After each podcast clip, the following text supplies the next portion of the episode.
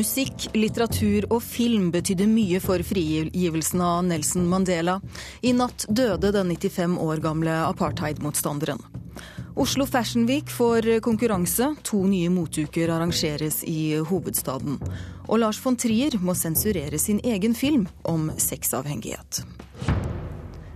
Du hører på Kulturnytt i P2s Nyhetsmorgen med Elisabeth Tøtte Hansen i studio.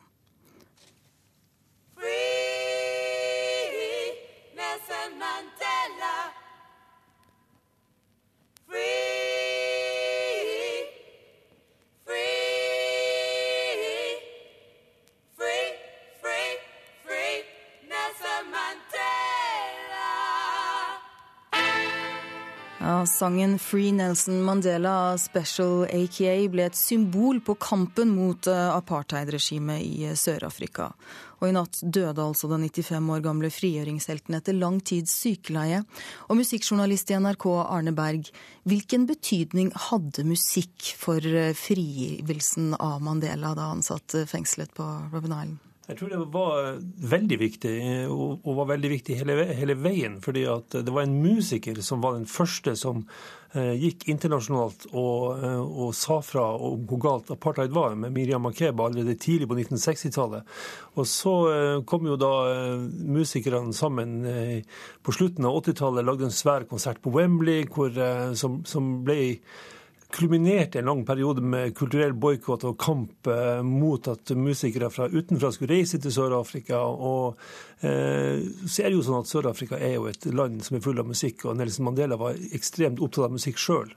Ja, og Da denne konserten på Wembley ble arrangert i 1988, da var Mandela 70 år gammel og satt fremdeles fengslet. Hvor viktig var eh, denne konserten for, for frigivelsen hans? Eh, han sa jo sjøl at, at det var avgjørende for at han slapp løs. Han, ble jo sluppet løs uh, under et år etter denne konserten. Uh, og det var jo selvfølgelig mange som hadde Eh, var klar over hva som skjedde i Sør-Afrika. var mange som var klar over at han satt i fengsel. Og den låta vi nettopp hørte, eh, var for mange kanskje den første gang man liksom fikk en idé om hvem Nelson Mandela var. Han satt jo fremdeles som en, eh, som en stum fange i et fengsel på, på, på Robin Island. Men fra den singelen her kom i 1984 og til den konserten i 1988, så vokste jo denne bevegelsen enormt. Og eh, masse andre artister eh, engasjerte seg, ikke minst eh, norgesvennen Little Steven, som ga ut Sun City-singelen sin imellom her. Og så kom jo de største popstjernene i verden sammen på denne konserten i 1988 med Whitney Houston og med Stevie Wonder og Little Steven var også der.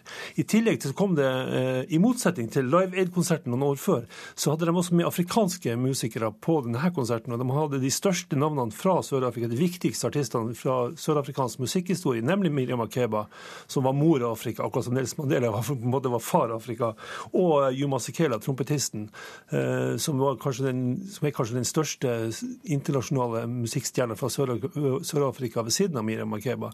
Så alt det her ble en sånn eh, et stort event som ble kringkasta over hele verden, og hvor eh, en, altså en halv milliard mennesker så på denne konserten. Den ble kringkasta i masse land. Og, eh, og, da Nelson Mandela slapp ut kort tid etter, så sa han at denne konserten må vi gjøre igjen, for jeg vil gjerne være til stede. Så da gjorde de det igjen noen år senere, og da sto Nelson Mandela på, på scenen og, og fikk sin hyllest internasjonalt også. Ja, og denne hyllesten den, den, har jo, som du sier, virkelig gått internasjonalt også. Men hva da også med, med artisters eh, bidrag til kampen mot apartheid ellers? Hvordan har musikk spilt en rolle der? Uh, musikken er jo, altså Sør-Afrika er jo, som jeg, som jeg sa, et, et, land som, hvor musikk gjennomsyrer alt. Som vi hørte i, i, i nyhetene nettopp, så, så, var det, det var reaksjonen til sørafrikanerne. Det var å stille opp på yttersida hjemme til, til Nelson Mandela i morges og synge. Uh, for det er det man gjør til alle anledninger. Musikk er, gjennomsyrer alt i sørafrikansk hverdagsliv. Altså arbeid, i sport, i så, så, er musikken på en måte det, det som alle sørafrikanere har felles. Eh, og så er det jo sånne artister da, som, som jeg nevnte internasjonalt, Little Steven og, um, og uh, Special AKA, som, som, lagde disse sangene som handler om, eh, om Nelson Mandela og om apartheid. Og så lagde man Artists United Against Apartheid, som var en organisasjon som fikk enorm betydning på 1980-tallet. Vi har også med oss eh, frilansjournalist Olav eh, André Manum. Du er i Johannesburg, og, og hvordan er stemningen der nå? Nei, Nå har jeg nettopp vært uh, utenfor Mandelas hus, og, og, der står folk og synger frigjøringssanger. de tenner lys og ber en bønn til, til minne om Madiba. Og Uh, og de feirer også samtidig hans liv, er mitt uh, inntrykk. Det er sorg, men det er også feiring av uh, en viktig statsmanns liv. Det kommer nå også en film om Mandela, 'Long Walk to Freedom'. Denne har du sett allerede. Hva, hva, hva vil den ha å si om, om Mandelas liv? Eh, jeg tenker at uh, hvis jeg først skulle se den, så ville jeg jo gjerne se den her. Det føltes uh, som det var det riktige stedet å se den. Jeg syns at filmen uh, fortalte, så vidt jeg kan bedømme i hvert fall, en, en historisk korrekt fortelling. Selv om var, den var komprimert og den, det var mye som var utelatt fra Mandelas liv, så var det også mange veldig sterke scener og en del veldig sterke personskildringer. Bl.a. av Vinni Madikizela Mandela. Nå har vi snakket mye om musikk og hvor viktig musikk har vært for frigjøringen av eh, Mandela her med Arne Berg. Hvordan, hvilken rolle spiller musikk i, i denne filmen? Eh, det kan jeg ikke si at jeg la så veldig merke til. Eh, det var et fint eh, soundtrack, men det var litt rart fordi jeg hadde blanda inn en del ikke-sørafrikansk musikk, bl.a. Bob Marley. Men det var jo også de, de viktigste frigjøringssangene var jo med, selvfølgelig. Senselina f.eks., som handler om hva har vi gjort for å fortjene dette livet, denne skjebnen, altså skjebnen under apartheid. Så, så, musikken er til stede, men, men, for meg så er det først og fremst historien og fortellinga som grep meg. Takk skal du ha, frilansjournalist Olav André Manum, som altså er i Johannesburg i Sør-Afrika. Helt til slutt da, Arne Berg. Hva betyr musikk for sørafrikanere generelt i dag. Vi har hørt at de synger utenfor huset til, til Mandela, og at uh, dette er viktig. Så, så hva, gjør, hva, gjør, det i den afrikanske sjela? Eh, den gir selvfølgelig trøst og, og støtte i, i ei tung tid, og samtidig et uttrykk for glede og dans og alt det der. Eh, samtidig så skal man jo også huske på at Sør-Afrika er en stormakt i musikken. Altså Det er kanskje det viktigste Eh, de har den viktigste musikalske eksporten fra Afrika. At det er liksom en, noe man er veldig stolt av at de, det de kan. Eh, band som Lady Smith Black Mambazo, som uh, Miriam Makeba, som jo er regnes som den største afrikanske artisten i historien, og Yuma Sikela, er folk som, som de også sende ut i verden og si at dette er Sør-Afrika.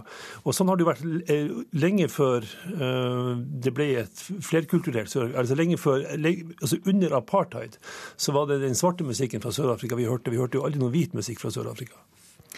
Takk skal du ha, musikkjournalist Arne Berg, som har fortalt oss om musikkens betydning for eh, Mandela. Og det er altså Nelson Mandela som døde i dag, 95 år gammel. I have cherished the ideal of a free society. It is an ideal for which I am prepared to die. The sentence will be life imprisonment. Amandla!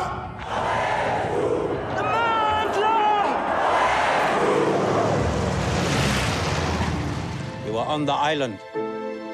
You will die here. The girls are not allowed visits until they're 16. Ja, Dette er altså fra filmen 'Mandela veien til frihet', som eh, er den siste filmen om eh, Nelson Mandela.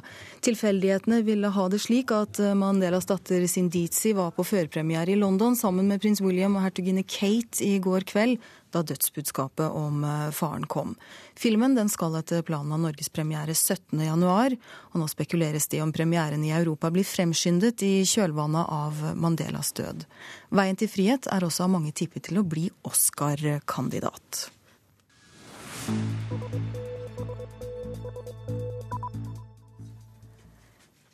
Hovedstaden får to nye moteuker. I februar kommer Oslo Trend, som skal arrangeres samtidig som Oslo Fashion Week.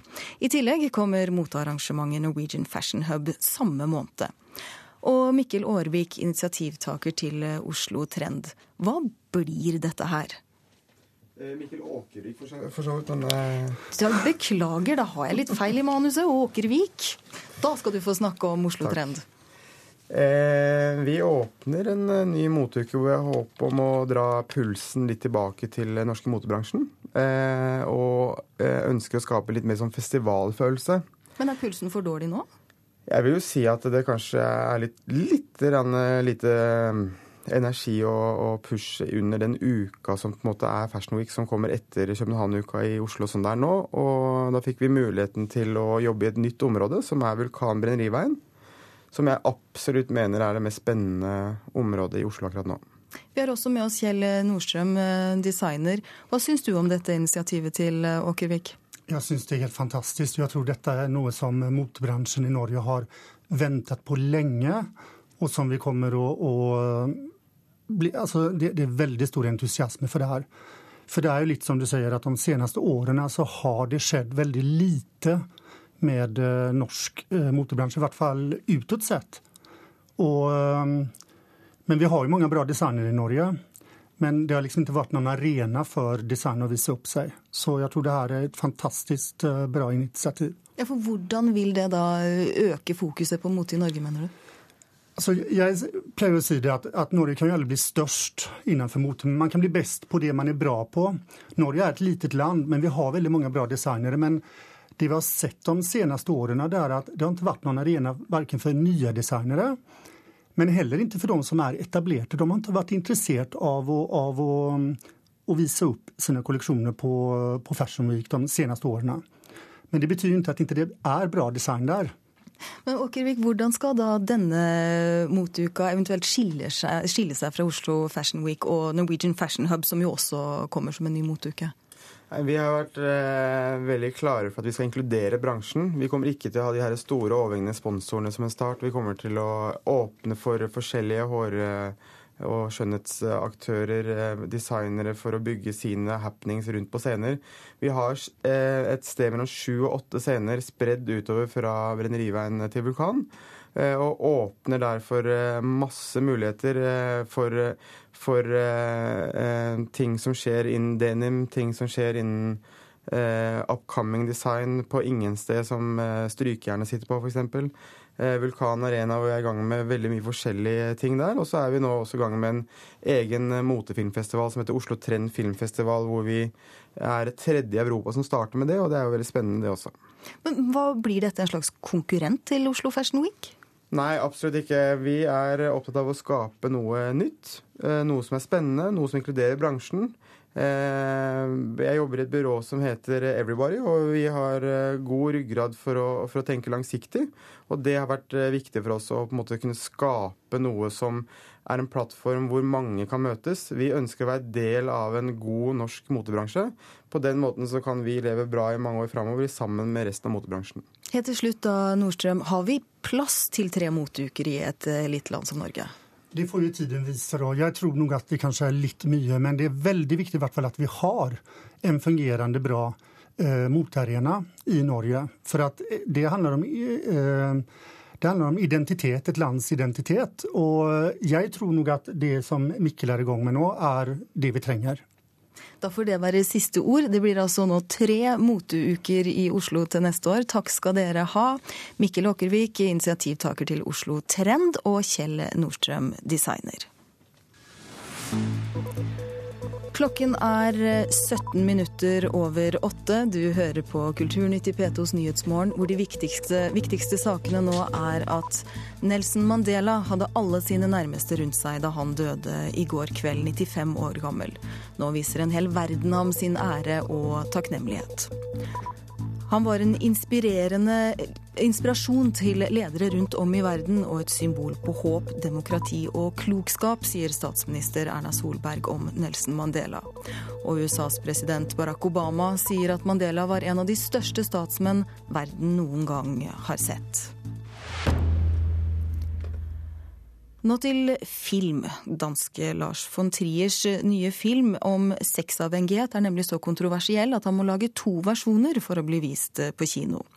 En time med eksplisitte sexscener er kuttet i versjonen som blir satt opp i store deler av verden. Men fortsatt varer filmen i fire timer. Smile, make eye contact. But what if it doesn't work? If you have to talk, remember to ask lots of work questions if you want more than a yes or no answer. That'll just happen on its own. You just take them to the lavatory and you have sex with them. I filmen Nymphomaniac møter vi Joey. Hun er nymfoman, hun er avhengig av sex, og deltar i mer og mer ekstrem sex for å tilfredsstille seg selv. Filmen inneholder mange sexscener, og produsenten måtte lage to versjoner for å få innpass på kinomarkedet, bl.a. i USA, sier produsent Louise West. I starten var det meningen at de skulle være noenlunde lige lange, og at der så var øh, meget eksplisitte sexscener i den ene, og knap så mange eksplisitte scener i den anden version. Og det var selvfølgelig fordi, at vi har en meget, meget stor finansiering på Lars' film, og der er mange territorier, som har øh, censurregler, som er meget betinget af, hvor meget sex der er i dem. Så derfor så vil vi gerne sørge for, at filmen havde mulighed for at blive distribueret i hele verden.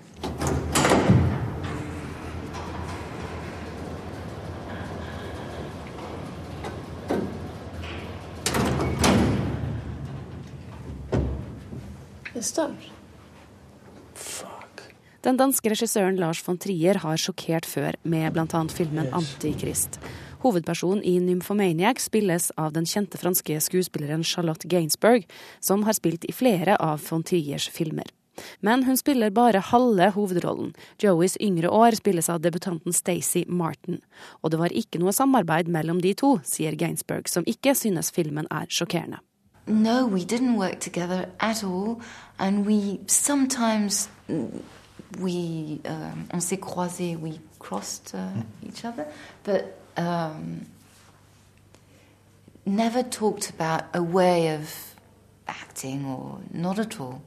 For me, it's a, a very specific sexual appetite, but it doesn't refer to every woman.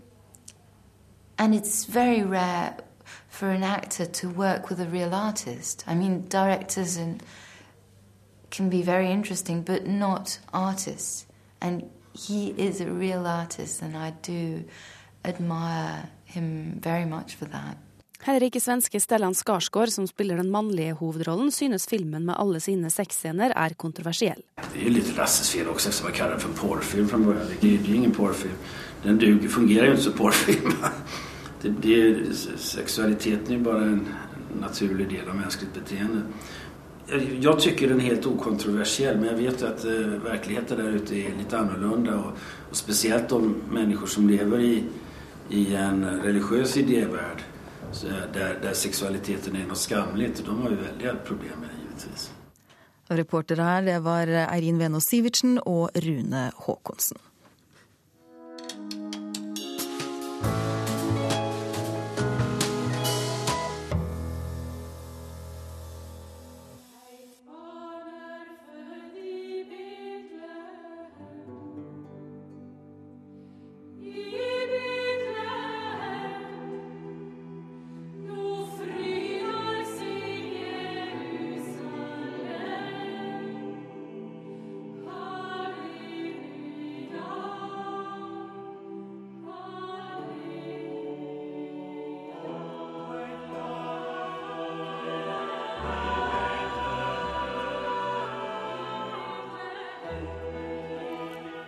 Her uh, hører vi i denne søte juletid, fremført av Det Norske Solistkor på den nye CD-utgivelsen Ros Songs of Christmas.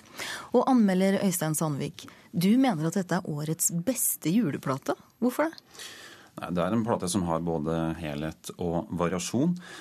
Både i selve musikken og måten den fremføres på. Da. Så den er fint sammensatt. Og så har den da noen av våre aller fremste utøvere Eh, solistkoret under Grete Pedersen er et toppensemble, ikke bare i norsk sammenheng. Eh, og så er det vokalist Berit Oppheim som bidrar med et litt annet uttrykk enn korets egne sopransolister, litt mer folkemusikkinspirert. Og så er det da Rolf Lislevann på sine historiske luttinstrumenter. Krydrer det hele veldig fint eh, underveis, også med noen små renessanseimprovisasjoner her og der. Så er det Gjermund Larsen, vår uh, unge, flinke spellemann. Felespiller. Um, og disse opptrer da i forskjellige besetninger og konstellasjoner underveis, som gjør at du får et rikt spenn fra de helt små besetningene med bare kanskje en lutt og en vokal fra Oppheim, og helt til det helt store ensemblet. Du høres veldig fornøyd ut. så Hva slags musikk er det på denne CD-en som gjør den så mye bedre enn andre album du har hørt? Den har et veldig stort historisk spenn, helt fra tidlig middelalder og frem til vår egen tid. og både musikk fra folkelig og mer kunstmusikalsk eh, tradisjon. Og det er ikke alt som er julesalmer heller, men det passer inn i dette uttrykket. Men sentralt her så står det det som Grete Pedersen kaller en julesuite. Hun har satt sammen eh, noen av disse numrene så de skal utgjøre en helhet. Og de rammes da inn av en middelalderhymne av Hildegard von Bingen, altså denne kvinnelige komponisten fra 1100-tallet. Eh, og innimellom så finner vi tradisjonelle julesanger som 'Et barn er født i Betlehem' osv. Og, og så er det en liten genistrek her fra Grete Pedersens eh, side, og det er å få den unge komponisten Ørjan Matre til å lage nye korarrangementer av eh, disse litt kjente melodiene. Og han er jo en av våre ledende komponister generasjonen under 40. Eh, Han er f.eks. huskomponist i Oslo-filharmonien denne sesongen. Og de er veldig gode, disse arrangementene som Ørjan Matre har lagd. Vi kan høre her litt på 'Mitt hjerte alltid vanker'.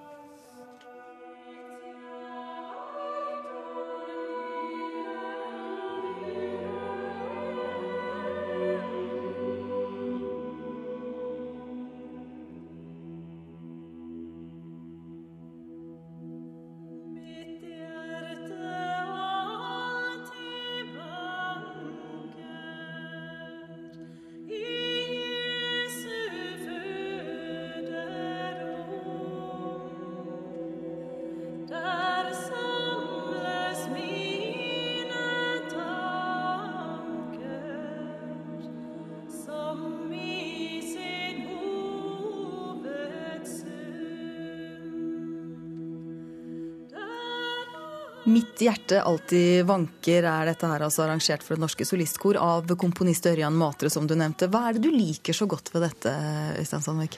Nei, altså Han gir oss noe å tygge på, da, uten at det blir for eh, pretensiøst og sånn artig. Han finner en veldig fin balanse her.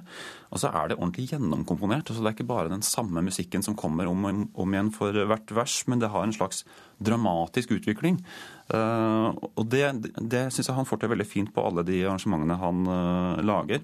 Og solistkoret følger dette veldig opp med sin dynamiske og mer dramatiske forming av musikken som de synger på denne platen. Så du får ikke den der liksom monotone salmesangfølelsen som du gjerne får når det er sånne kor, kor som synger jule, julesalmer. Det er mer uttrykksspenn her og mer dramanerve.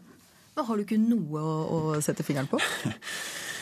Ja, altså, Jeg skulle gjerne hørt en julesalme komponert av Ørjan Matre. Så måtte eventuelt vært det. Da, at ikke det er noe her som er nykomponert. Det kan jo være en oppfordring ja, til senere jul. Du får gi et tips til neste år. Ja. Rent til slutt, da. Hva blir eh, konklusjonen eh, på det hele? Nei, altså Hvis man vil ha en juleplate som har et rikt spenn i uttrykk og fremførelse, og at det er en fin stemning uten at det blir den vanlige sentimentale liksom nostalgien altså Det er ikke det der, så mye av de vanlige juleklisjeene her i uttrykket. Uh, og så er det i tillegg noen av våre absolutt ledende utøvere. Så er det sånn at denne plata finnes nå. Uh, den heter Ros Songs for Christmas. Og så skal vi høre litt eh, mer musikk. Hva er det vi får høre da? Ja, Det som var det nye bekjentskapet for min del, eller det er for så vidt mange nye bekjentskaper, men det jeg ikke kjente til i hele tatt, var julesalmen 'Julens glede'. En dansk, eh, moderne liten sak med tekst av Johannes Møllehave. Eh, prest, forfatter, og musikk av den danske komponisten Per Nørgaard, som kanskje er den viktigste komponist etter Carl Nilsen i det landet.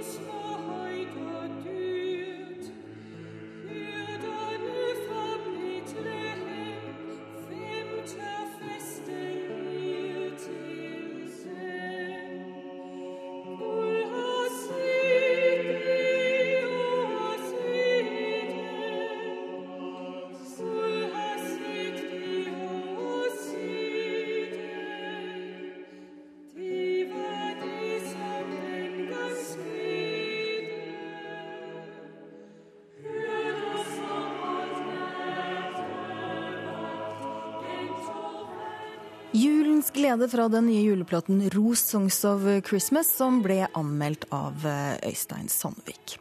Så tar vi med en melding til slutt, for den tidligere teaterbåten Innvik ligger med slagside etter at den var i ferd med å synke ved kai i natt pga. uværet som eh, herjer.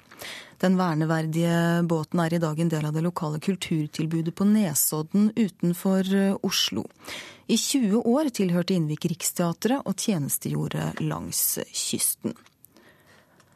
Vi tar også med at 300 brev og beskjeder mellom Knut Hamsun og kona hans Marie skal aksjoneres bort eh, før jul. Blomkvist-kunsthandel lokker med lidenskap, sjalusi og dramatikk. Det melder Dagens Næringsliv. Og med det er Kulturnytt slutt for i dag. Produsent Thomas Alvarstein Ove. Tekniker Mari Janne Myrhold. I studio Elisabeth Tøtte Hansen.